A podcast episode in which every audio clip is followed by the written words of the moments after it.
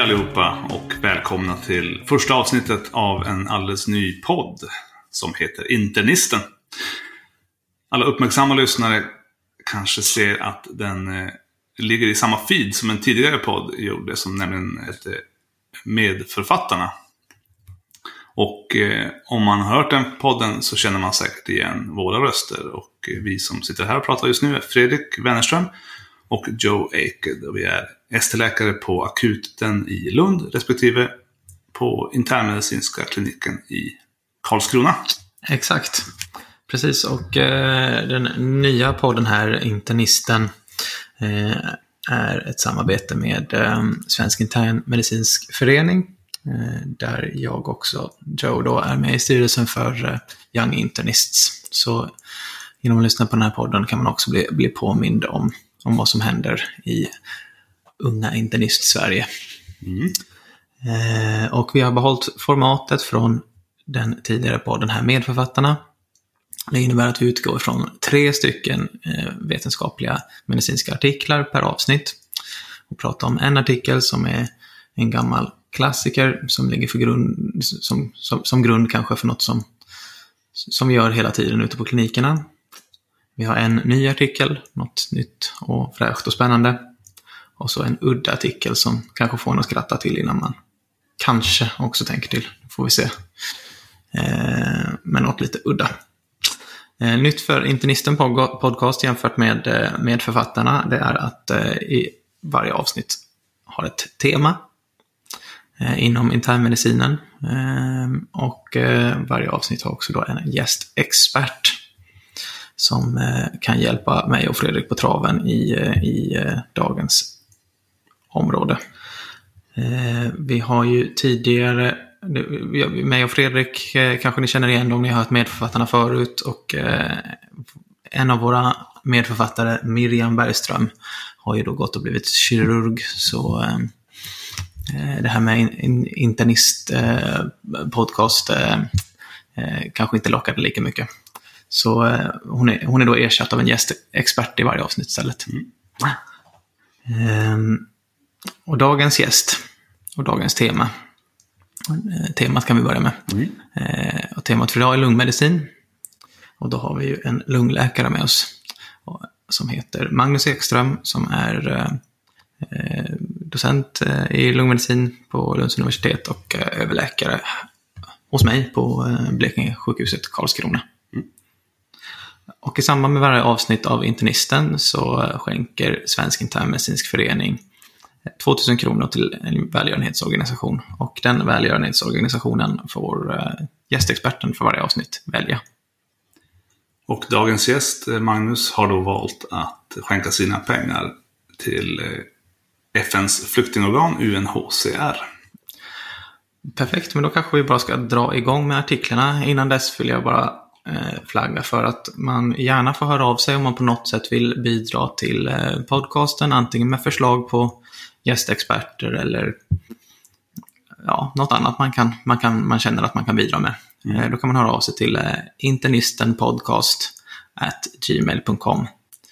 Eh, eller så kan ni komma och hälsa på mig på simveckan om ni skulle råka ha vägarna förbi där. Och så finns vi ju såklart på Twitter och där hittar ni oss på internisten-podd med ett D. Super. Då kör vi dagens avsnitt. Varsågoda.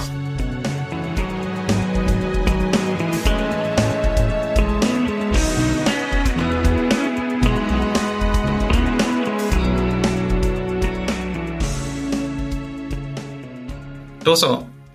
Välkomna. Eh, och, eh, det här blir första avsnittet av Internisten. Och vi sitter här på Blekinge sjukhuset Karlskrona med vår första gäst, Magnus Ekström. Välkommen Magnus. Tack så hjärtligt. Roligt att få vara med. Ja. Eh, och jag tänkte Magnus att du skulle få, få presentera dig. Mm. Absolut. Nej, men jag är eh, lungmedicinare och eh, specialist där och även specialist i internmedicin då. Born and raised i Karlskrona, svor att aldrig komma tillbaka när jag flyttade och sen så när vi flyttade tillbaka så, så har vi bott här ju naturligtvis. Och, Det har vi ju gemensamt. Det har vi alla, alla gjort någon gång. jag trivs väldigt bra här och eh, bott och jobbat här sedan 2007 kan man säga. Jättebra. Och eh, du har en del egen forskningserfarenhet också. Ja, men så är det. Så jag har kombinerat klinik egentligen eh, sen jag började ST när det var 2008 med forskning kan man säga. Jag doktorerade 12 och sen så gjort postdoc, lite jobbat i Australien och sen eh, har en grupp i Lund nu och är, har en kombinationstjänst. Så det är forskning och klinik omväxlande. Ja, vi är jätteglada att du, att du vill vara med och vara första gäst. För att lära känna dig lite bättre och den här frågan kommer följa med i den här eh, podcasten. För vi riktar oss ju till våra ja, unga kollegor, eh, ST-läkare och, och, specialister. Då är det bra att få höra från en mer erfaren kollega. Eh, antingen om man har fått något särskilt bra råd själv under sin karriär som man vill föra vidare. Eller om det är någonting man har lärt sig med tiden som man önskar att man visste när man var eh, ST-läkare eller, eller, eller nybliven specialist i internmedicin. Har du något sånt på lager? Ja, alla har vi väl eh, tips på något sätt som man tror är bra då. eh, nej men eh, det, det beror ju naturligtvis helt på vad man själv tycker om och hur man funkar som människa. Men något, något jag tyckte varit väldigt bra, som jag tror jag haft en del nytta av, det är att jag eh, tidigt skaffade liksom en, en mekanism för att hänga med och lära sig nya saker. Eh, ungefär som ni, ni gör med den här podden då till exempel, kan jag tänka. Men att man eh jag anmälde mig till en del sidor och sen så att man får liksom så sammanfattningar från något, något håll, till exempel vad har de här största tidskrifterna inom området man är intresserad av visat eller så. Det kan, det kan liksom kännas som lite men eh, när man sedan har jobbat tio år och får en sån i veckan, läst lite, skummat lite, så gör det en otrolig skillnad. Liksom. Mm. Så det är det ena. Och sen har jag haft eh, många år en, en, en dum eh, sak. Det var att jag försökte läsa ett papper varje nattjour. Det har jag inte lyckats med. Men eh, du vet, de här tråkiga timmarna mitt på när man sitter och väntar på något så kan man plocka upp ett litet papper så kändes det skoj. Men då är jag, ska jag säga att jag alltid varit en plugghäst också så jag tycker sånt är roligt. Liksom. Ja, men jag kan det var ett bra tips. Ja. Det är lugnt på nattjour. Mm. Håller man sig vaken. Ja, just det. Har du något tips på den första, ditt första tips? Alltså en, en, någon form av liksom nyhetsbrev eller? Eh, har du något ja, men, ett tag körde jag en sån här någon sida, det finns olika då va? Eh, som är gratis och sådär där man kan liksom logga in. Eh, som till exempel Medscape sådana här grejer. Va? Så kan man ju då klicka i liksom områden och sånt. Men nu så kör jag mest eh, från de stora, jag kör New England, Jama och Lancet. Så, och det, det, känns som att de stora tunga grejerna de kommer ju där på något sätt att diskutera, diskuteras där. Och då har de de här case, interaktiva case och olika saker. Så de är ju skoj och mm. skoj att köra. Så det är väl det som jag försöker. Mm. Super, precis. Man får hitta sitt medium. Mm. Kanske. Vi hoppas väl att den här podden kan, kan bidra lite till det då. Ja men exakt, nu när den här podden finns så ska jag avregistrera mig från de andra sidorna. Ska du berätta lite om upplägget Joe? om upplägget precis som vanligt höll jag på att säga, men som vi gjorde i, i förra gången på den med författarna. Eh, avsnittet ligger ju längre bak i den här feeden. Så kommer vi att gå igenom en gammal klassiker till artikel, en ny och fräsch artikel och en lite udda artikel. Och eh, ämnet idag är ju då lungmedicin. Då tänker jag vi kör igång med det gamla.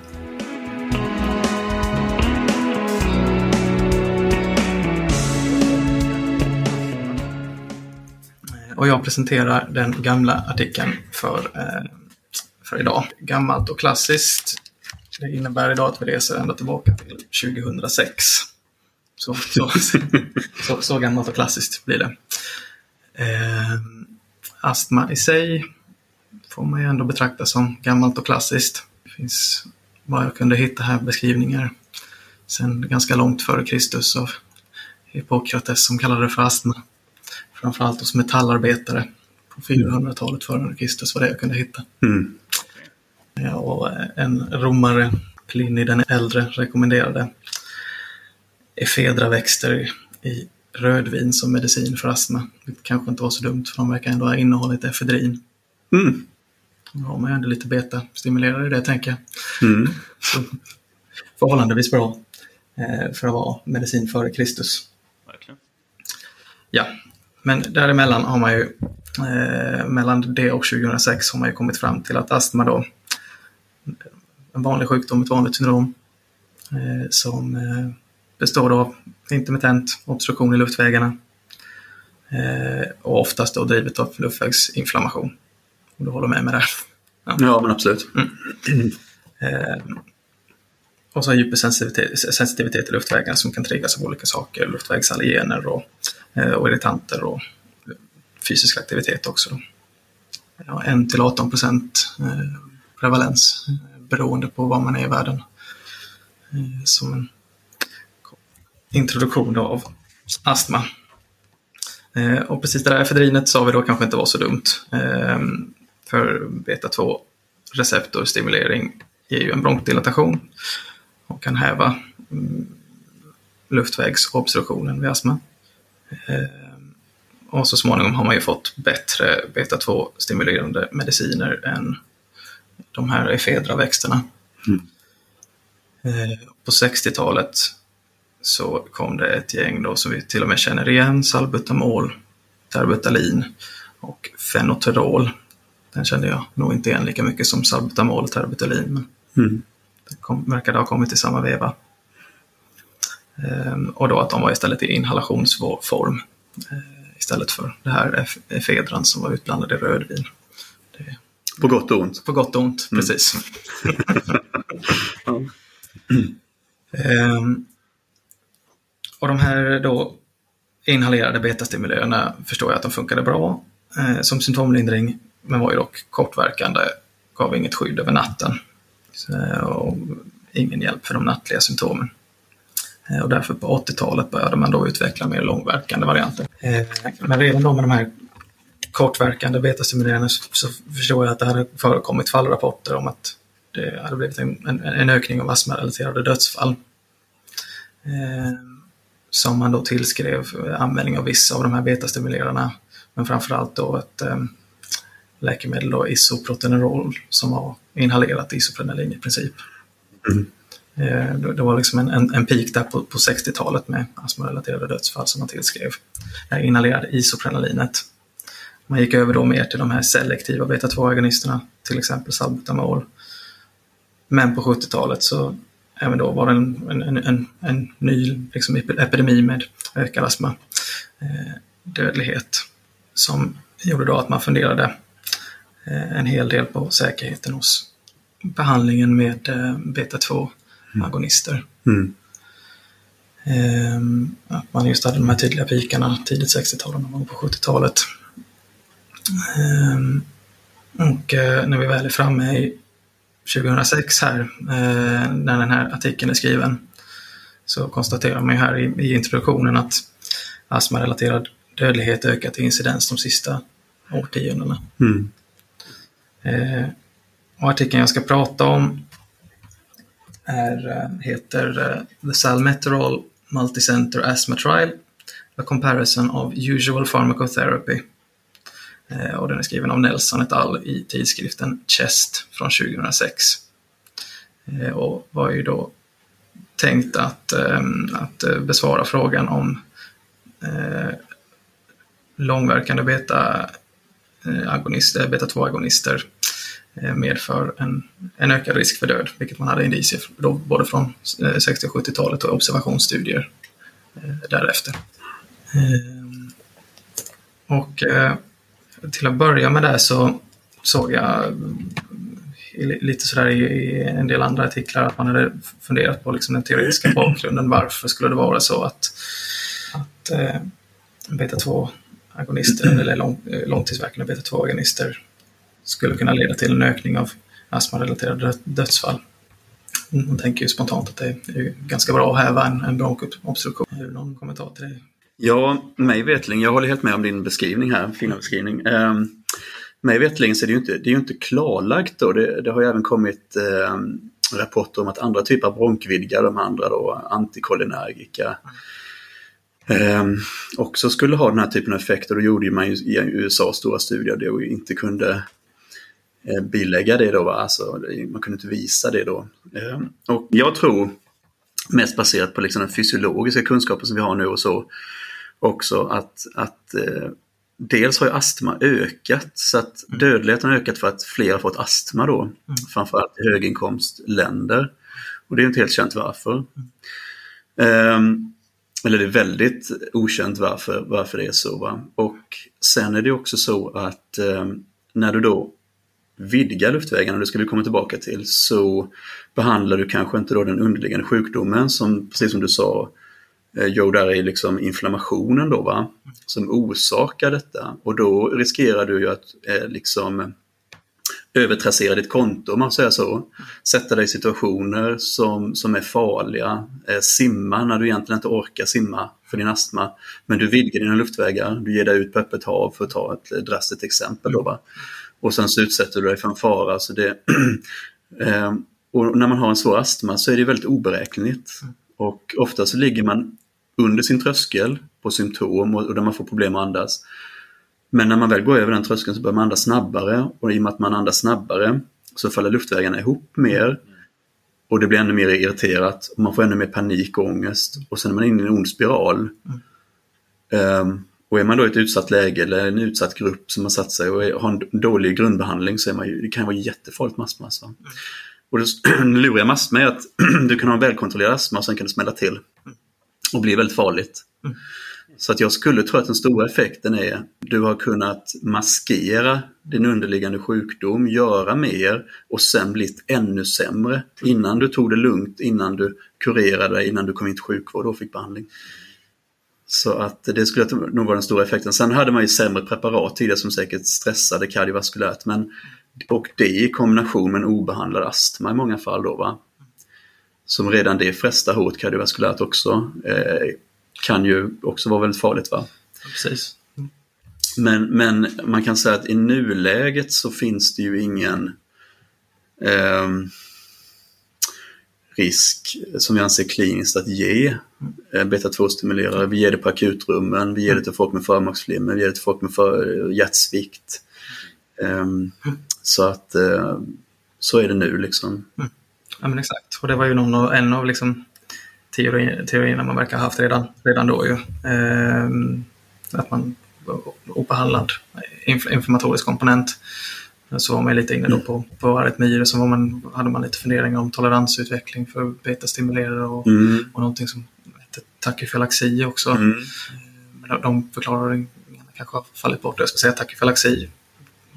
Känns som att jag vagt har hört någon gång men inte Nej, det känns inte som ett begrepp idag. Nej. Eh,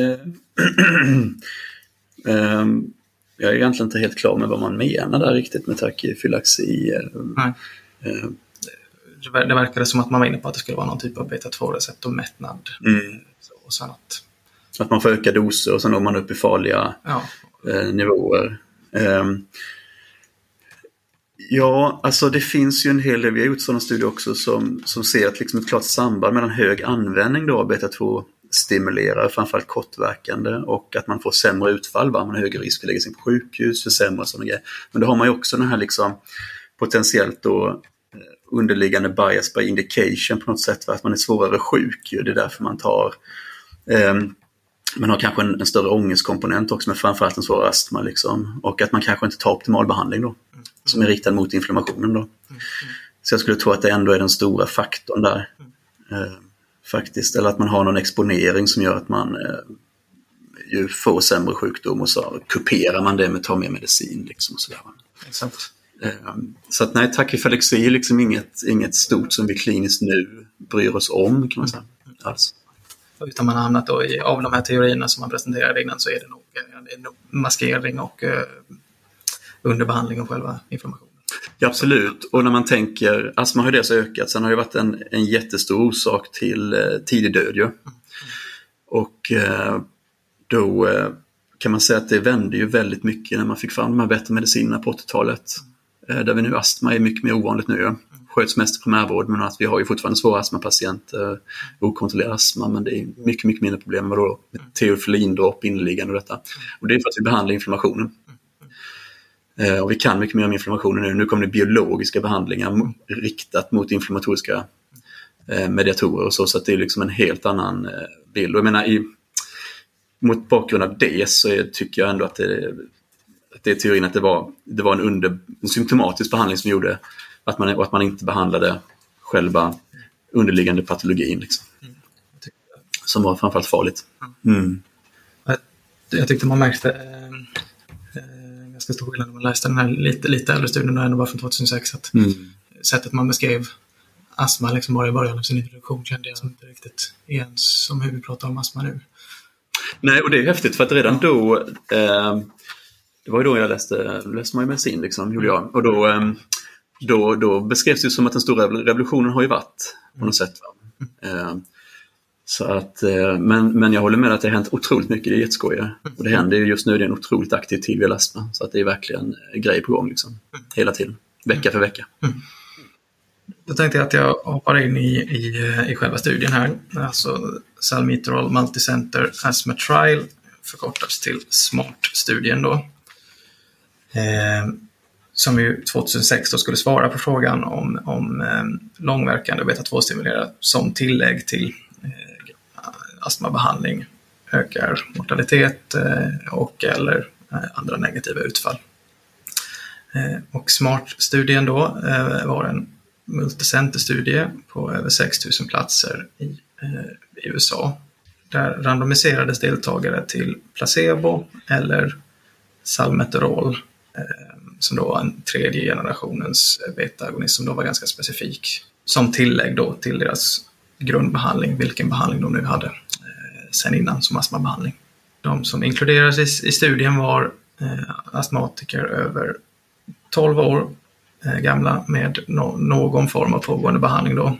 Men man skulle inte tidigare ha använt eh, långtidsverkande betagonister, alltså LABA.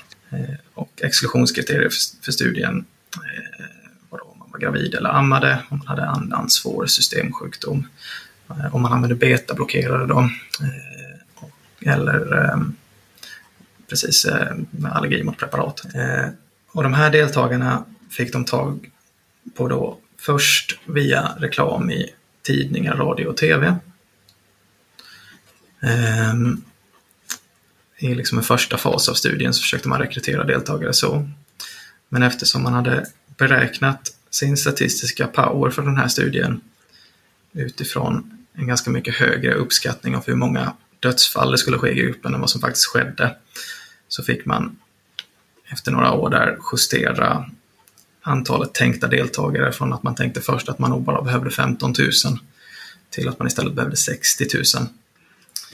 Eh, så då gick man över istället till att eh, i andra fasen att patienter rekryterades direkt av studieledarna känns lite snopet så man mitt i en studie kommer fram till att eh, vi behöver nästan tredubbelt så Man känner med författarna. Ja, exakt. ehm, och behandlingen då med salmeterol två gånger dagligen eller placebo två gånger dagligen eh, pågick i 28 veckors tid. Och alla fick en liten eh, korttidsverkande eh, inhalation eh, albuterol som tillägg. Så alla hade tillgång till det. Uppföljningen skedde via telefon var fjärde vecka. Eh, och det man tittade på som utfallsmått då, primära utfallsmåttet eh, är en, eh, en kombination då av respiratoriskt relaterad död eller respiratoriskt relaterade livshotande händelser, life-threatening events. Och för att komma fram till om det här var respiratoriskt relaterat eller kanske ja, eller om det var en livshotande händelse så granskades de här eh, händelserna av en kommitté som då var blindad för eh, vilken, vilken behandling patienten i fråga hade fått.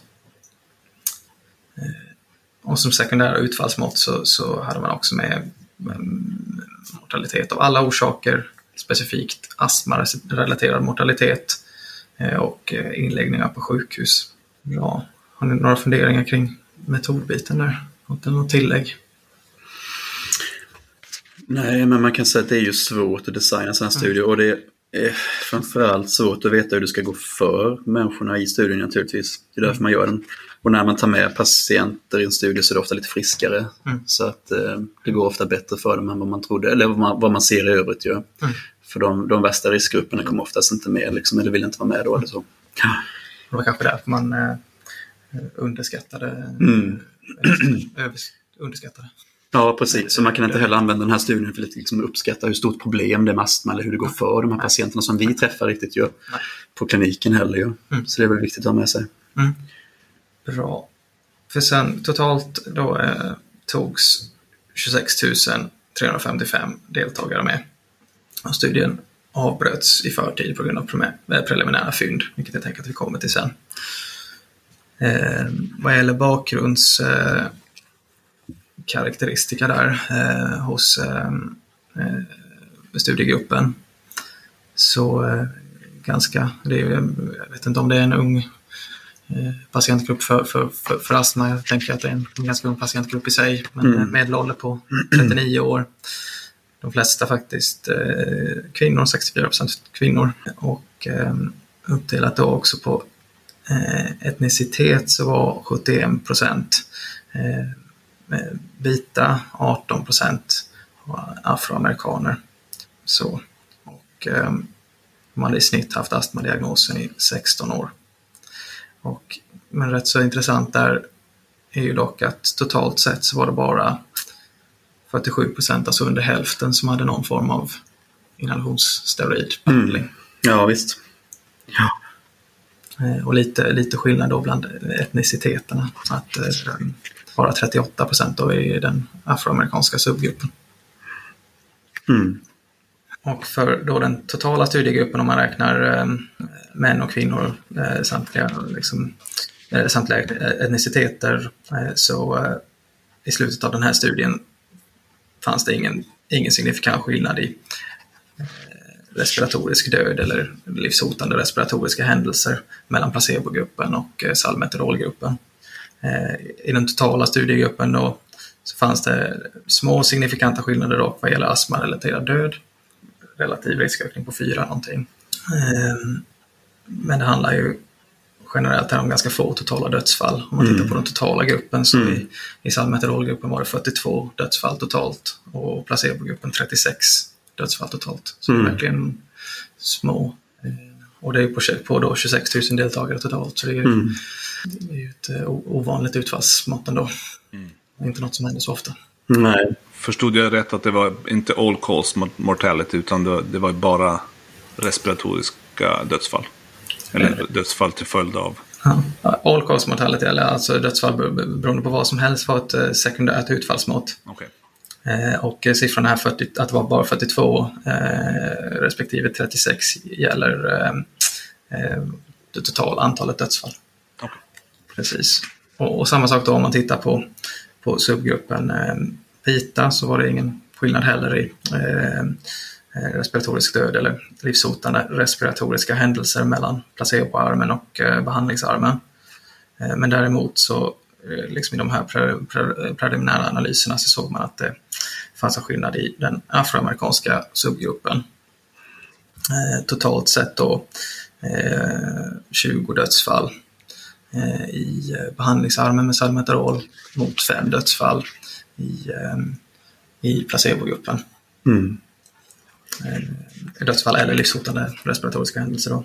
Eh, och vad gäller astmarelaterad eh, död eller respiratoriska livshotande händelser så var de flesta av dem astmarelaterade också. 19 mot 4. Mm.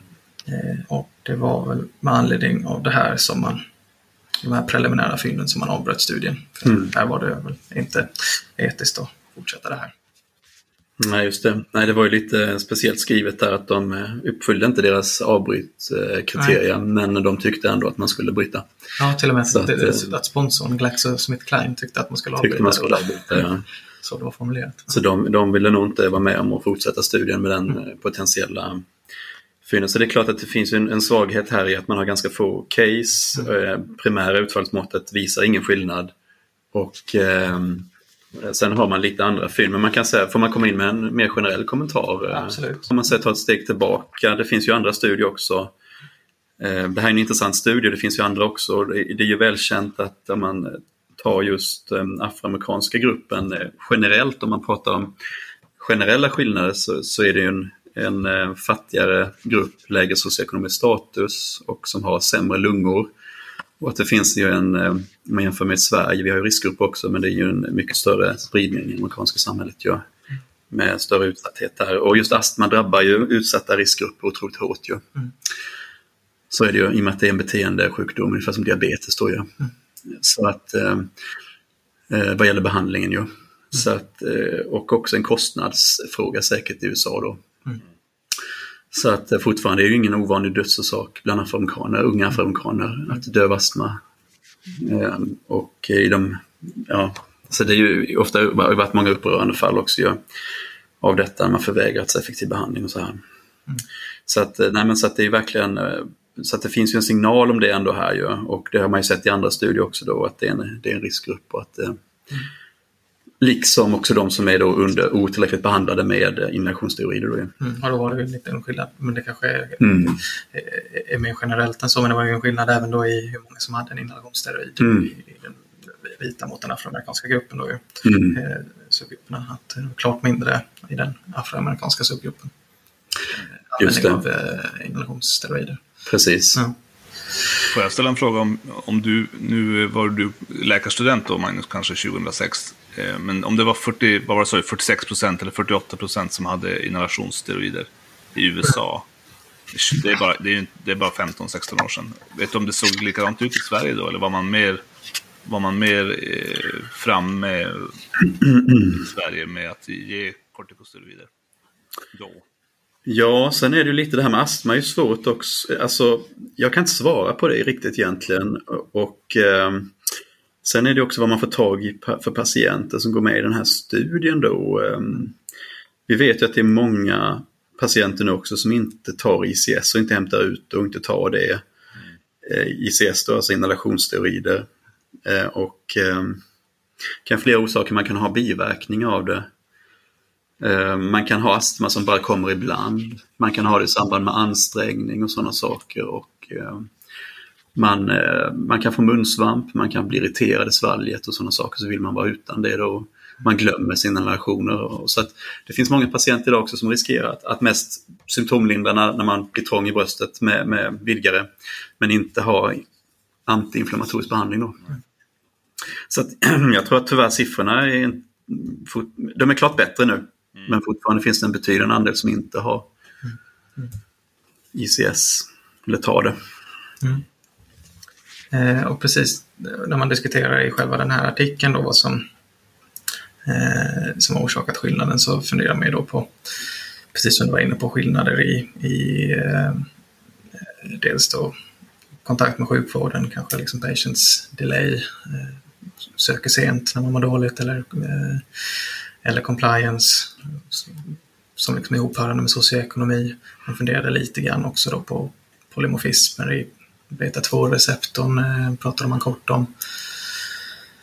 Eh, men man funderade ju också då lite på de här inhalationssteroiderna och de försökte ju ändå på en, en, en kort eh, post hoc-analys och, och, dela upp och titta separat på, på dödsfallen om de behandlades med inhalationssteroider eller inte. Men det blir väldigt, väldigt små, små mm. siffror i den här gruppen. Att, om man tittar i de, de som hade inhalationssteroidbehandling så var det 23 dödsfall mot 27 i mm. de utan inhalationssteroider och det går ju inte riktigt att dra några slutsatser från det. Det är alldeles, alldeles för litet. Mm. Eh, men de väckte ju ändå lite tanken där, tänker jag. Eller de, de hade ändå den tanken. Mm. Eh, och eh, jag förstod det då som att eh, den här studien bland annat då eh, ledde till att FDA, Food and Drug Administration i USA, satte en sån här black box-varning på, på de långverkande beta-2-agonisterna. Det vill i princip förstå en, en, en, lapp på förpackningen att det här läkemedlet kan, mm. kan vara farligt, förstår mm. det som. Ja, det var intressant. Det gjorde man alltså generellt. Det var inte bara att, som ensam behandling eh, utan att det var generellt så ett tag där då kanske. Jag förstått det som att det var generellt och att mm. de samtidigt föreslog eh, FDA själva. Mm. Eh, så efterlyste de nya stora studier om, om långtidsverkande beta-agonister och inhalationssteroider. Mm. mm. Det ville FDA gärna ha. Ja. Satt den här blackbox-varningen. Ja, precis. Och då kom det ju sådana studier också som just indikerade att, eh, att det just är farligt när man har det som singelbehandling. Eh, och, eh, och det är väl liksom den kliniska viktigaste takeawayen tycker jag. Att, att man ska egentligen inte ha singelbehandling med vidgare när man har astma. Mm. Någon gång, varken kort eller långverkande. Däremot kan de preparaten vara bra i kombination med en antiinflammatorisk behandling mm. för att lindra symptom. Precis, det är väl det som är, som, som du säger, det stora. Att LABA monoterapi vid astma Mm. helt, helt eh, kontraindicerat i princip. Ja, precis. Nej, då gör man eh, sin patient potentiellt sett en otjänst då ju. Mm. Mm. Ja, precis. Mm. Det var det jag försökte leta reda på det i, i några nya guidelines men det var nästan som att det var för, för självklart för att eh, Ja, helt tydligt som är guidelines. men, men jag hittade någonstans där i de här i GINA guidelines, Global Initiative, som, Mm. som en liten eh, aside sådär att eh, själv, självklart behandlar vi inte. Just det. Det var ungefär så det var formulerat. Men man kan säga så här, att det är inte självklarare än att det står i de svenska riktlinjerna. Eh, att man ska göra det. Eh, eh, för att eh, vi har ju laggat efter, nu håller vi på att uppdatera dem, eh, Läkemedelsverkets eh, riktlinjer då. Men eh, där är det ju fort, finns fortfarande en grupp där man vid ovanligare eller ovanligare attacker eller lindrigare attacker då kan föreslås behandla med bara kortverkare vid behov. Ju. De här liksom lätta astman, testa det, till exempel ansträngningsutlösta besvär, ja, men då tar du lite beta-2-inhalator innan och sen kan du spela fotboll då. Och eh, internationella riktlinjer, GINA som du säger där, eh, som jag tycker man ska gå på, som, som är väl underbyggda och jättebra. Alltså, eh, de eh, har ju inte alls det, man har tagit bort det sedan många år nu. Mm, mm. Tre, fyra år nu så är det borta helt. Utan, och det kommer vi ju till längre fram här också. Men det, det håller på att även i Sverige slå igenom skulle jag säga och komma i guidelines och så nu. Så att, Och jag tänkte bara jag skulle fråga, för det här liksom FDA blackbox-varningen och, och ehm, att eh, monoterapin är kontraindicerad. Det verkar ju gälla astma då. mm. Men LABA, LAMA, LABA eller eh, LAMA då, antimuskulinerga, antikolinerga, Bicol verkar ändå kanske vara okej. Ja, absolut, och det är de flesta, det är liksom den grundbehandlingen kan man säga. Eh, så att, så att det, det är en annan sjukdom eh, till väldigt, på, på många sätt. Eh, man kan säga att astmabehandling kom ju först på 60-talet som du beskrev och länge hade man ju egentligen ingen KOL-behandling. Eh, när jag läste medicin på 90-talets slut så sa man att eh, det finns ingen behandling mot KOL och det är det viktigaste för man kan göra patienten berätta det. Ehm, Men sen gjorde man ju studierna då så att man kan ju ha en symptomlindrande effekt av att vidga luftvägarna. Men man har inte alls den, hos de flertalet patienter, alls den inflammationen den typen av inflammation som man har vid astma. För att idag är ju inte astma en sjukdom utan, och det är det som är så otroligt spännande nu, att man håller på att hitta olika mekanismer vid olika typer av tillstånd, olika sjukdomar, olika endotyper, alltså mekanismer som får olika fenotyper, olika kliniska mönster. eh, hos olika människor där man kan behandla de olika sakerna, olika tillstånden på, på optimera, optimala sätt, olika sätt. Så då är den här eosinofila TH2-drivna inflammationen som man säger som man framförallt då svarar på inhalationsteorider. Och det har du inte på samma sätt vid astma, eh, vid, vid, vid KOL. Sen har ju många patienter en blandform och då är det också mycket diskussion och kritik om att eh, vissa företag kanske i studier har tagit med astmatiker eller att det kommer med astmatiker för att det är svårt att skilja upp tillstånden. Eh, och då ser man ju plötsligt behandlingseffekter av inhalationsteorider. Va? Så att eh, det där är en väldigt het pågående debatt. Vilka som ska ha den behandlingen. Men vid KOL kan man säga att där är det mer en symptomlindrande, vidgande behandling som är första steget och sen hos vissa eh, patienter med vissa karaktäristiska eller svåra sjukdom så lägger man till inhalationsteorider. I astma är det tvärtom. Och det är därför det är så viktigt för oss kliniker att ställa rätt diagnos. Så man kan liksom inte bara säga så här att det här är obstruktivt, vi kastar in en behandling, utan eh, man måste veta vilken diagnos det är. Men, men menar du alltså att man kan ha astma och KOL som en som dubbeldiagnos? Absolut. Så KOL kan man säga är egentligen definierat som kronisk obstruktiv lungsjukdom. Det är ett fysiologiskt, patofysiologiskt fenomen att man kroniskt, alltså man kan inte bli av med det, är obstruktiv. Eh, och det kan ju bero på att man hade en störd lungutmognad, man var för tidigt född eller så, men man har ingen aktiv sjukdomsprocess. Så att det är mer som ett resttillstånd, kan man säga. Eh, till exempel då säger man ibland att man har KOL, men det menar man kanske inte riktigt nu, utan man ska även ha en irritativ aktiv process, oftast från eh, cigarettrök eller eh, bio eh, eh, i, i låginkomstsettings eh, settings och så. Va? Att man har någonting som irriterar luftvägarna, en yrkesexponering för någonting eller så, som driver en skadlig process. Plus att man är kroniskt obstruktiv, då har man KOL. Va? Och så har man inga andra tillstånd som man kan hitta. Till exempel en, en otillräckligt behandlad astma ger ju samma bild efter många år. På grund av kroniska skador i luftvägarna, men då är det en astma och då ska man ha optimerad astmabehandling. Eh, då ska man inte ha KOL-behandling. Därför att då eh, fortsätter ju den här skadliga processen och då riskerar man ju att bli underbehandlad och då har man ju redan kraftigt kanske sänkt lungfunktion. Så då är man ju ännu mer på pottkanterna. Så det är ju jätteviktigt liksom med rätt diagnos här. Mm. Perfekt. Eh, någon kort kommentar på den här studien också, att det verkade väldigt svårt eh, allmänt här. Vi har ju pratat lite om, om att det är svårt att studera astma eftersom det dels är så pass, pass episodiskt vad vi var inne på, men det verkar också som att studera alla de här olika behandlingskombinationerna som fanns eh, på den här tiden. Det verkar mm. också varit en stor svår, svårighet vid, vid mm. de här tidigare studierna. Vi vill ha eh, långverkande och eh, kortverkande och inhalationssteroider och mm. LFK3-antagonister och allt i diverse olika kombinationer. Jag mm. att det måste... Och det problemet kvarstår kan man säga att man har många olika typer av behandlingar men eh, eh, visst, eh, man hade ju mycket mer Tefylamin då ju. Mm. Eh, som är ute kan man säga nu. Mm. Men absolut, det kvarstår att man har många olika typer av behandlingar och kombinationer. Mm. Bra. Och eh, då tänkte jag att vi kan gå vidare till att eh, den här FDA Black Box-varningen, den svarta lådan på paketen, försvann för eh, kombinationspreparat, LABA plus ICS, långtidsverkande beta-agonister och inhalationssteroider. 2017 mm. försvann den här black box-varningen. Då tänkte jag att vi ska gå vidare och prata om varför den kan, kan ha försvunnit i det nya och fräscha.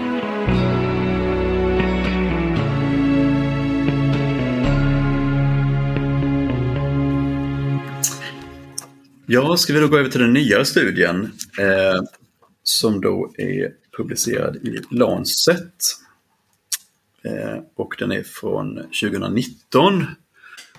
Eh, en stor studie här, Practical-studien, en ettårig studie som är en pragmatisk kan man säga randomiserad studie, att man eh, patienterna och de som gjorde studien visste vilken behandling som man gav då, men man gav dem ett eh, stort antal center.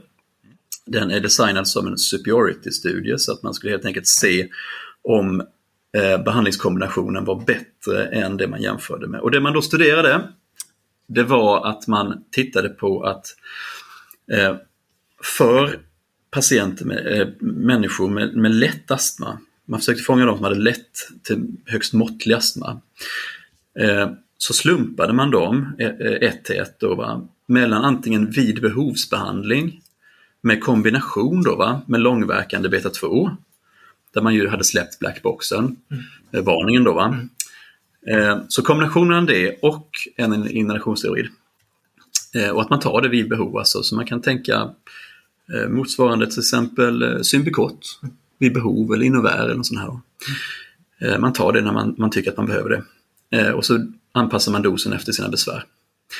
Och det jämförde man då med de som helt enkelt stod på eh, mer traditionell behandling med en stående dos som inhalationsteroid plus eh, beta-2-stimulerare vid behov. Mm.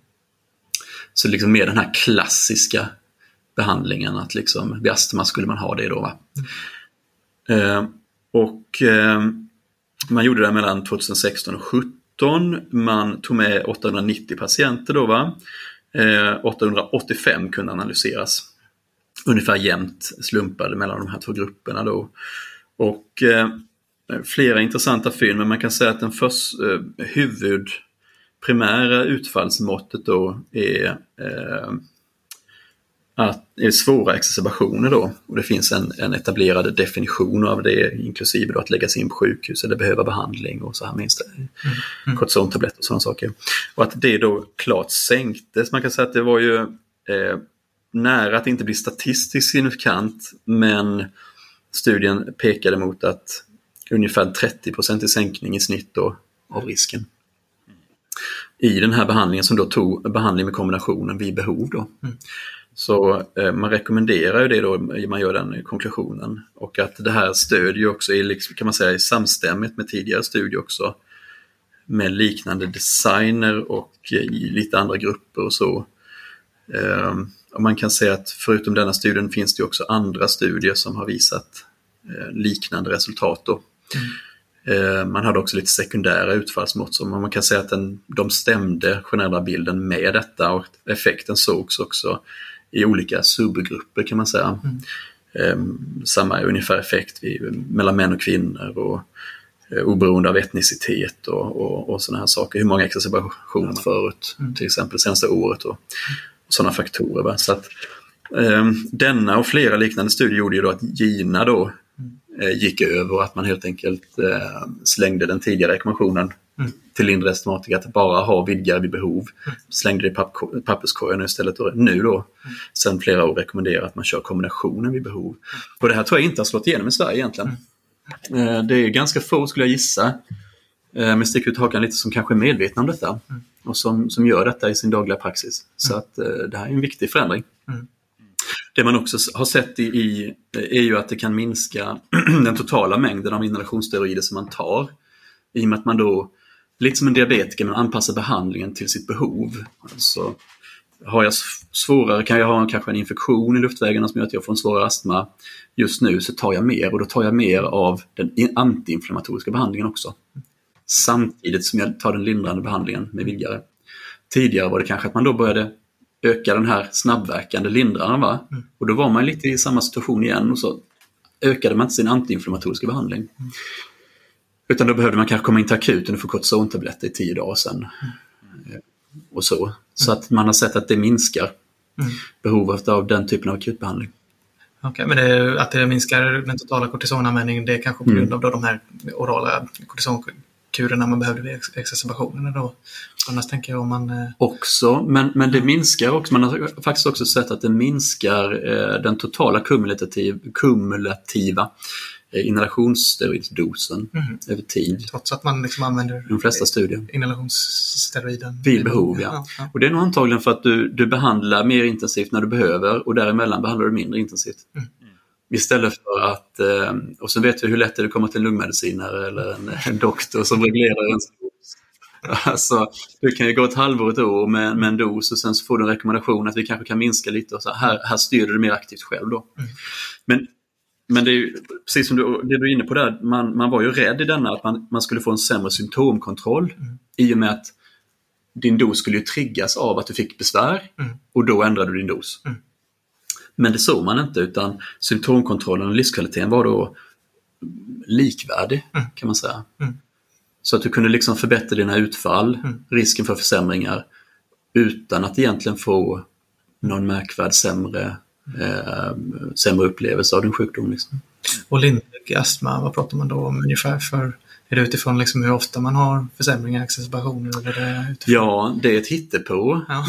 för vad är en lindrig astma? Ja. Alltså de flesta, när man läser på astma, de flesta dödsfall sker bland patienter med välbehandlad lindrig astma. Eh, och det är ju för att det också är den stora gruppen då, naturligtvis. Så att eh, även om de då har en kanske lägre risk så är det fler eh, som drabbas av det. Men det betyder också att den här sjukdomen är episodisk och den är svår, svårberäknelig.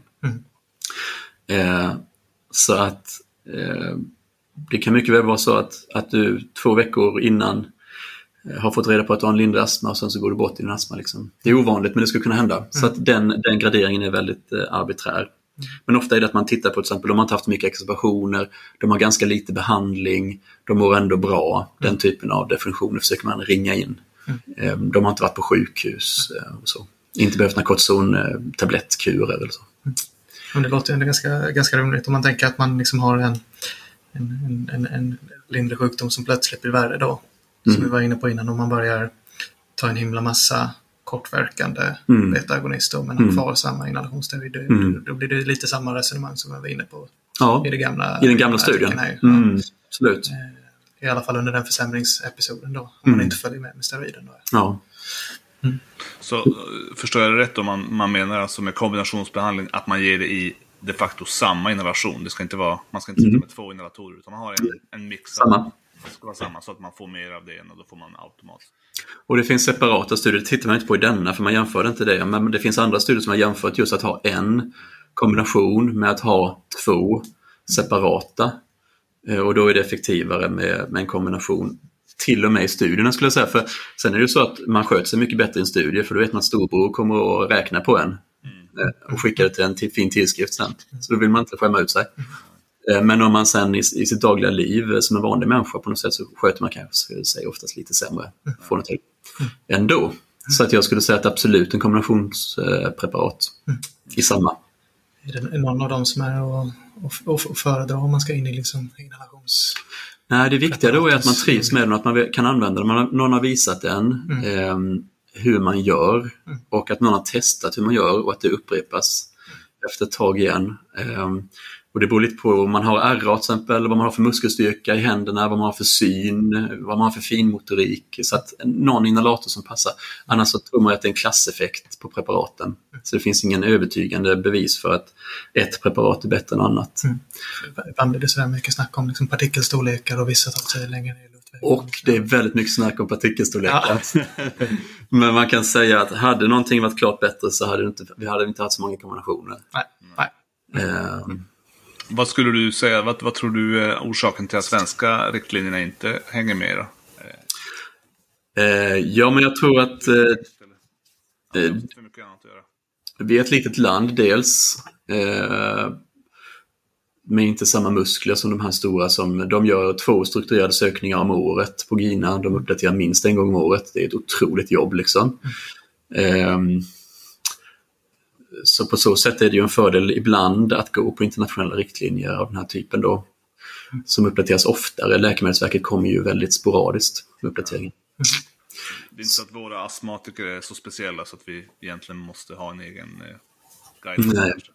Nej, alltså det där är ju en delvis en politisk fråga men min åsikt är ju att, eh, att vi är ganska lika liksom. Och vi behandlar ju egentligen på samma sätt. Och eh, det här gäller då de med, även om det var en liten hittepågrupp så gäller det här lindrig astma ändå. Om man har en uppenbart svårare astma så kanske inte samma resonemang Nej, helt. då, men man kan säga att på ett sätt har det här för, förenklat också, och vilket jag tycker är underbart då, förenklat medicinen hur man ska göra. För att har man då en lindrigare sjukdom då kan man ta kombinationen vid behov. Har man sen en svårare sjukdom, till exempel, då ibland använder man, använder man den här gamla då, definitionen som liksom två eller fler episoder av astma genombrott per vecka. Va? Om man då har så, så frekventa besvär, då ska man stå på underhållsbehandling med kombinationen. Okej. Men det bör man ju egentligen ändå, för då ska man själv ha trappat upp det ju. Men, men eh, så då, plus då vid behov utöver det, med kombinationen. Extra. Så det gillar vi. Enkla... kombinationsstående och vid behov. Då. Ja men exakt, så att det är liksom lite enklare tänk. Eh, plus att vi då, om det inte sen funkar, så är det ju att börja tänka på kanske andra grejer. Ytterligare behandlingssteg efter. Och har man någon tanke, LABA och inhalationsteorin, jag tänker att de oavsett liksom, subtyp av astma, att den inflammationen ändå finns där så att behandlingen bör täcka in alla subtyper, även liksom en ansträngningsrelaterad astma eller en allergisk astma eller en icke- äh, icke-allergisk astma. Eller har man någon, någon, eh, något indicium på att det skulle vara annorlunda i någon grupp? Ja, precis. Eh, för utvecklingen där är ju att man kommer nog dela upp astma i olika sjukdomar beroende för, på olika underliggande mekanismer. Men som det är nu, man kan säga att ansträngningsutlöst astma är ingen sjukdom i sig. Utan det kan vara att man kanske har en underliggande astma som visar sig när man anstränger sig. Sen kan den underliggande astman vara på olika sätt. Eh, om man då, man säger klassiskt, det man kallade för allergisk astma förut, så, så kallar man det kanske mer nu för TH2 eller eosinofil astma. Det är alltså en typ av inflammation i luftvägarna där man har en uppreglering av vissa delar av immunförsvaret, som man säger TH2-delen, som bland annat då innebär mycket inflammation med eosinofiler. Och eosinofiler, eosinofila tillstånd i luftvägarna och andra delar av kroppen, de svarar ofta bra på kortison. Eh, och vad man tror är skillnaden varför man behöver ge kortison i tablettform till svår astma, det är ju att då är de sjukare lungdelarna stängda, igenproppade, trånga och då kommer inte inhalationen ner där. Så då behöver man ge det systemiskt då, via blodet, in den vägen för att öppna upp dem och sen komma ner med inhalationsbehandlingen igen då.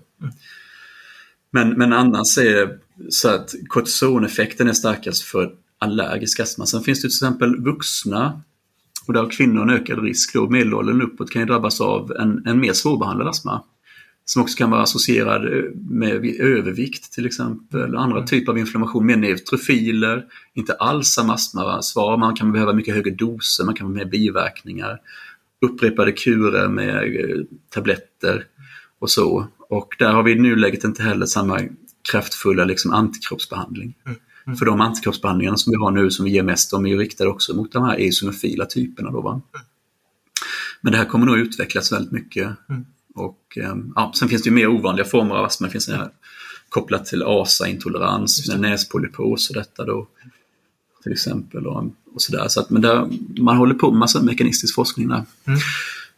Men huvudindelningen då kanske är den eosinofil, icke-eosinofila ja. inflammationen? Ja, det är det. Mm. Precis. Super. Då har vi väl två stora take-home messages tänker jag från, från, från det gamla och det nya som båda handlar om astma här och det är väl att LABA monoterapi vid astma eh, är kontraindicerat. Mm. Eh, och att eh, kombinationsbehandling med LABA och ICS eh, vid behov eh, är nog bättre i alla fall ur extraverationssynpunkt mm. än, än SABA, då kortverkande beta-agonister och en stående dos eh, inhalationssteroider. Mm. Absolut, och att man behöver eh, lämna över lite av makten till patienten över detta, att de känner sig trygga med behandlingen och de vet hur de ska anpassa den efter sina besvär och att de ska våga det och också höra av sig till oss då va? och berätta att nu har jag det värre och nu har jag gjort så här. Men att man ska inte vänta på den där återbesöket om tre månader mm. för att anpassa sina, så det är lite diabetestänket där man säger då va. Mm. Och det är väl en struktur när vi får bättre eh, internmedicinska och andra behandlingar inom medicinen så, eh, så blir det ju mer att man själv behandlar. Mm. Som vi känner till med till exempel protonpumpshämmare. Liksom. Nu går man inte till doktorn för att ta en sån kanske. Utan... Mm. Mm. mm. Men i VL astma så är det viktigt med en riktig diagnos, så där har vi en jätteviktig roll. Eh, för att de flesta som tror de har astma har ju kanske inte astma. Så att det är fortfarande jätte, jätteviktigt. Man ska inte bara gå och ta inhalationssteroider mot att man har jobbigt att andas utan man, man ska ha en bra diagnos. Mm. Då så. Då kanske vi är färdiga med både det gamla och nya här och eh, astma, astmadelen av det här lungmedicinska avsnittet. Mm. Eh, och så går vi väl vidare mot andra. Mot andra lungfält. Ja.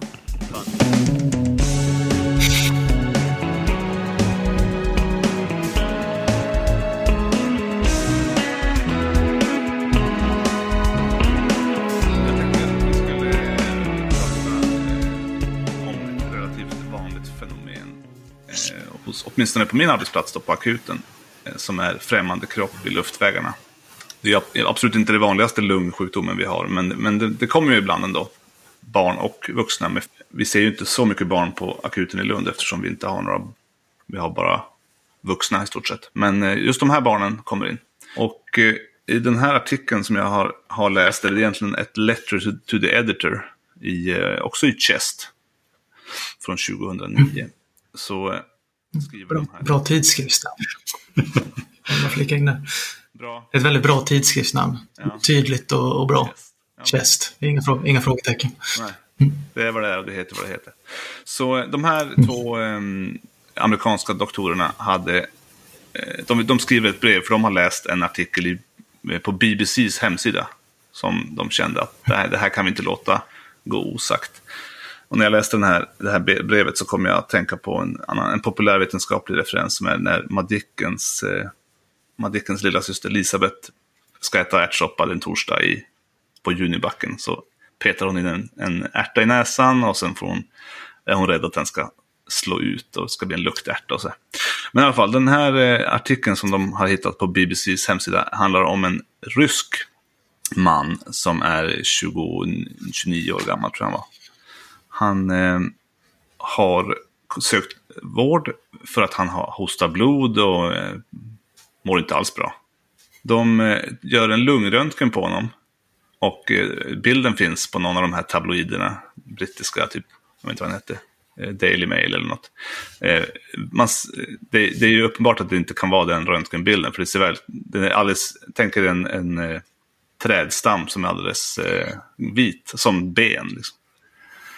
Eh, I alla fall, de påstår att de har, rönt, de har röntgat honom, de här ryska kirurgerna. Och eh, sett att det ser, det ser ut som en typisk cancer, så de bestämmer sig för att göra en biopsi. Vilket man också har en bild på. De verkar ha tagit bort en rejäl bit av lungan. Och eh, där, när man tittar in i den här lungvävnaden så ser man en, en liten eh, gran. För, det måste ju vara gran, eller hur? Ja, precis. Jag tror det är gran, ja. Fir, fir tree. Så de beskriver den som att the branch was green as, it, as if it had been just taken from the wood. It's, it's still a mystery how the tree got in there. Men den enda rimliga eh, förklaringen de här kirurgerna kan ha är att han, eh, mannen här måste ha inhalerat ett eh, granfrö. Ja, inte en kotta utan ett frö antar jag. Och eh, sen så har det där slagit rot i hans lunga Eh, och eh, växt ut till en liten, en liten gran. Och det tycker de här två amerikanska läkarna att det, här kan vi. de vill liksom slå hål på den här myten ifrån Madicken och ifrån eh, ryska tabloiden här, BBCs hemsida. Där de beskriver att det, det är faktiskt inte möjligt. Det finns inga enligt dem då, inga kända fall med att någonting har slagit ut i kroppen. Med tanke på hur många barn som kommer in till, till akutmottagningar med, med vattenmelon, eh, frön eller jordnötter eller annat i sina lungor så säger de att det här, det här måste vara ett hoax. Man kommer ju aldrig fram till vad... Hur, uppenbarligen så har han ju haft ett, om det nu stämmer att han hade det, så har han ju haft ett träd, träbitar i, eller en granbit. Men hur den kom in, det kommer man aldrig fram till. Men jag tänkte att vi kunde, vi kunde med denna ingång prata lite grann om eh, bronkoskopier och så. Vad... ja. Vad... Det, för det tänker jag, många internmedicinare jobbar ju också på, be, bemannar ju akutmottagningar. Och det kan ju komma någon med främmande kroppar eller så. När, vi kan vi ta det som exempel. Det kommer in ett barn som har satt någonting i halsen. Men är inte just nu inte har någon, någon eh, dyspné, utan kanske bara har, har hostat mycket men nu är, det, nu är det lugnt. Så det är inte någon akut bronkoskopi så att säga.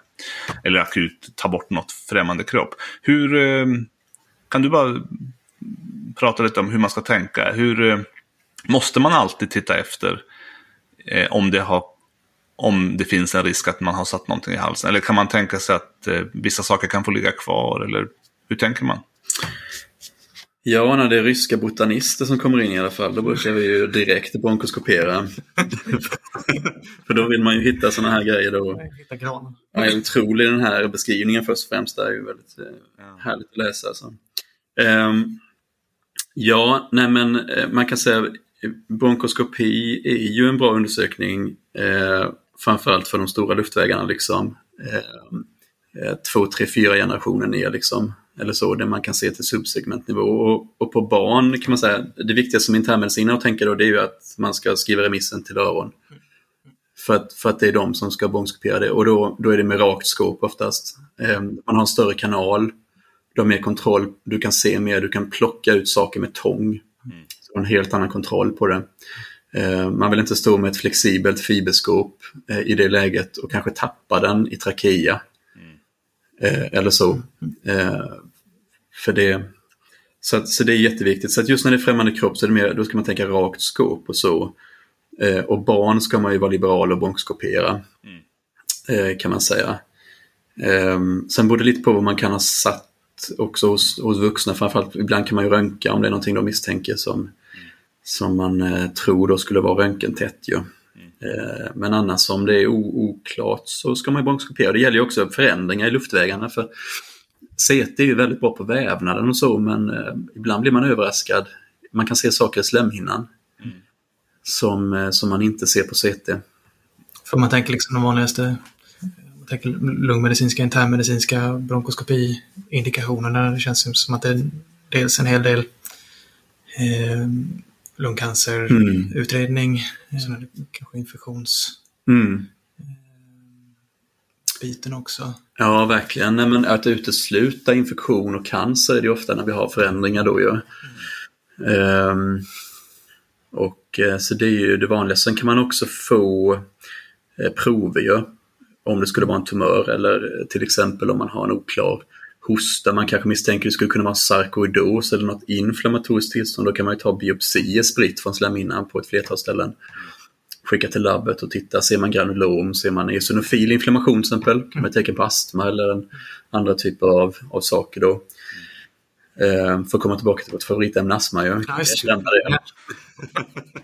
eh, och sen, eh, så det är ju också en, en, en viktig indikation. Eh, eh, men framförallt eh, ja, infektion och, eh, och tumörsjukdomar. Då. Typ av inflammation också skulle jag säga, det var det jag letade efter också. Vid vissa, ibland har vi interstitiella lungförändringar, alltså eh, stråkiga förändringar i parenkymet. Det kan vara en inflammation i lungan eller så. Och då kan man ta celler, alltså en diff, på eh, lungsköljvätska. Som då kan berätta lite vad det är för typ av eh, process ibland. Då, va? Och nu, du pratar om rakt skåp när det gäller främmande kropp, men alla de andra, till exempel det här bronkobald eller bronkoalveolärt levage och så, då kan man använda, använda kan man använda fiberskåp då? Jajamän. Då är det fiberskåp och då, ehm, det är ju jätteskoj liksom och då eh, bedövar man ju patienten i vaken i de allra flesta fall ju. och sen så går man ner genom munnen, bitblock då eller näsan. Det går ju bra och sen så bedövar man sig ner och tittar, tittar igenom och, och tar, ofta går det, kan det gå ganska snabbt ju. Och, och få en bra bild så att eh, han är en skoj undersökning för, för doktorn åtminstone ju. Och ofta så är den väl tolererad också. Men rakt skåp, då är man i narkos alltid eller? Eh, så är det ju, eh, skulle jag säga, i, i fler, alltså som rutin. Ja, det känns obehagligt att ligga Eh, det, det är en större grej alltså. Men det är lite då huvud- huvudindikationen, ut, utredning framförallt. Mm. Då av, eh, Det händer mycket inom lungmedicin, även på bronkoskopi. Interventionssidan då har vi expanderat väldigt mycket. Vi har ju ultraljud, både kunna titta ut på körtlar och sticka, riktat. Väldigt bra träffsäkerhet. Även i lungan. Vi kan också göra radiellt ultraljud, alltså ut i lungväven och se att vi ligger rätt. Och så har vi patolog då eh, som kan direkt säga att man har fått representativt urval då. Så att då kan man liksom verkligen prickskjuta på saker och sen har man också genomlysning och sen i Lund är enda stället i Norden som har också eh, specialistbronkoskopi kallas det då va? Eh, Superdimension, ett annat namn. Där man eh, bygger en datamodell av luftvägarna utifrån eh, högupplösande CT-bilder. Och sen så spelar man tv-spel genom luftvägen ner. Eh, tills datorn tycker att man är på rätt ställe och då kan man ta prov. Så att eh, det är häftigt. Mm. Plus att man då kan sätta stentar och coila och göra de olika sakerna då. va? koj, vad coilar man för någonting då? Om man ska coila. Blöt. Ja, just det. Ja, just det. Ja, ja och man kan... Eh, ehm, det, det här utvecklas ju också. Jag tror egentligen nu att man eh, till exempel använder något som heter agonplasma eh, koagulering, alltså som sprider sig i eh, ytligt i slemhinnan. Så man till och med kan skjuta så att man ser en blixt som går in i en, den, den viker liksom och går in i en väg, en luftväg. Men om det blöder då? Precis. Ja. Då kan du till exempel då, då så ser du att det blöder in här i en, i en gata framåt höger i nästa korsning. Va? Då skjuter du framåt och så går du in där och täpper till. Så det är de interventionsbitarna. Om det blöder, om det blöder någonstans i lungen eller om eh, det, det är trångt eller stopp någonstans i lungen. Då. Ja. De interventionsbitarna kan man också. Kan man också öppna. Till exempel då, va? vid cancer, palliativ cancerbehandling till exempel då, va? växt igen och är viktigt. Så. Just det. Och då kan man stenta då också. Mm. Men eh, säger du, är du på den, den, den, den ryska eller amerikanska sidan här? Om man, i- om man börjar oroa sig för, eh, för, växande granar? Nej, men jag får ju en, en, en, en lite krypande misstanke om att allt i rysk press inte riktigt kan stämma när man läser denna. Och att det inte gjorde det här redan då. eh, 2009. Nej, precis. Nej. jag hade någon kort kommentar till den här. Det var, jag såg bara när jag tittade på referenslistan här så har de ju hänvisat till BBC Newsround där. Ja. Eh, Men det, då tittar man noga på, på länken och, eh, som ges i referensen där, där de har rapporterat om, om, eh, om, eh, om den här ryska mannen med granen i lungan, så är det ändå CBBC. Så det, jag tittar på länken och det var ju från bandelen av BBC. Det var ju i princip liksom Lilla Aktuellt som hade, Ja, det det. som hade rapporterat om det här. Och, och då fick de liksom hårt bakslag i, i tidskriften Chest. Fick eh, av två lungläkare att det här inte alls stämde. Det tyckte, tyckte jag var lite hårt. Men det är roligt att det kan gå på det hållet någon gång. Ibland får man mycket sur press för, för forskning man publicerar. Här går det tvärtom. Liksom. Ja, exakt. Precis, här får barnprogram se ut eh, i chest. Jag tror inte det var så många som, som läste, läste barn, barnprogramsartikeln eh, som också läser Chest. Jag misstänker att de inte har samma, samma läsarskala. Vem vet? De kanske fick göra en, en rättelse i nästa Lilla Aktuellt. Ja. Det var Ja. bra, eller? Ja, då så var det lite spännande extra information om bronkoskopi med ju. Absolut. Mycket spännande. Ja, och då tror jag väl att det var allt för idag. Ja. Första avsnittet i nya tappningen äntligen, eller inte äntligen, är, är till sin ände. Jo, men äntligen ändå. Tycker, tycker man får säga det, tycker jag. Jag menar med att vi äntligen är igång igen. Ja. Eh, precis, jag tyckte det här var supertrevligt. Tack så jättemycket Magnus för att du ville vara med. Ja, skoj. Tack för att jag fick vara med. Eh, något avslutande? Något man ska ta med sig förutom det vi redan har sammanfattat? Oj, avslutande visdomsord alltså. Eh, Man ska väl eh, se upp vad man eh, får i sig här så att man inte får i sig träd. Tänker jag. Det är väl viktigt som yngre kollega också att tänka på. Ja, exakt. Inte aspirera träd på, på nationen. Mm. Utan istället läsa något. Ta fram en artikel istället. Det är väl mitt råd. Ja, super. Mm. Då så, men då hörs vi igen om eh, En månad. en månad. Mm. Får ni ha det så bra. Eh, stort tack till eh, Magnus Verkligen. eh, som ville vara vår första gäst. Och eh, eh, får vi se fram emot eh, mot nya gäster framöver. Mm. Och som vi sa förut får ni hemskt gärna eh, kontakta oss på mm, e-mail internistenpodcast@gmail.com eh, eller på Twitter internistenpodd med ett D. Där får ni skriva glada tillrop eller tips på, på gästexperter eller ämnen ni skulle vilja höra mer om. tar vi jättegärna emot. Mm. Eh, och vi siktar på ehm, ett avsnitt i månaden ungefär. Mm. Ehm, så ehm, nästa, nästa gäst är inte helt satt ännu när vi spelar in det här. Men ehm, så vi får se vad det handlar om. Mm. Någonting inom internmedicin. vi i alla fall Ja, så häng gärna med och eh, prenumerera här i feeden så får ni veta när nästa avsnitt av Internisten Podcast kommer. Mm. Ha det så bra. Hej då! Hej.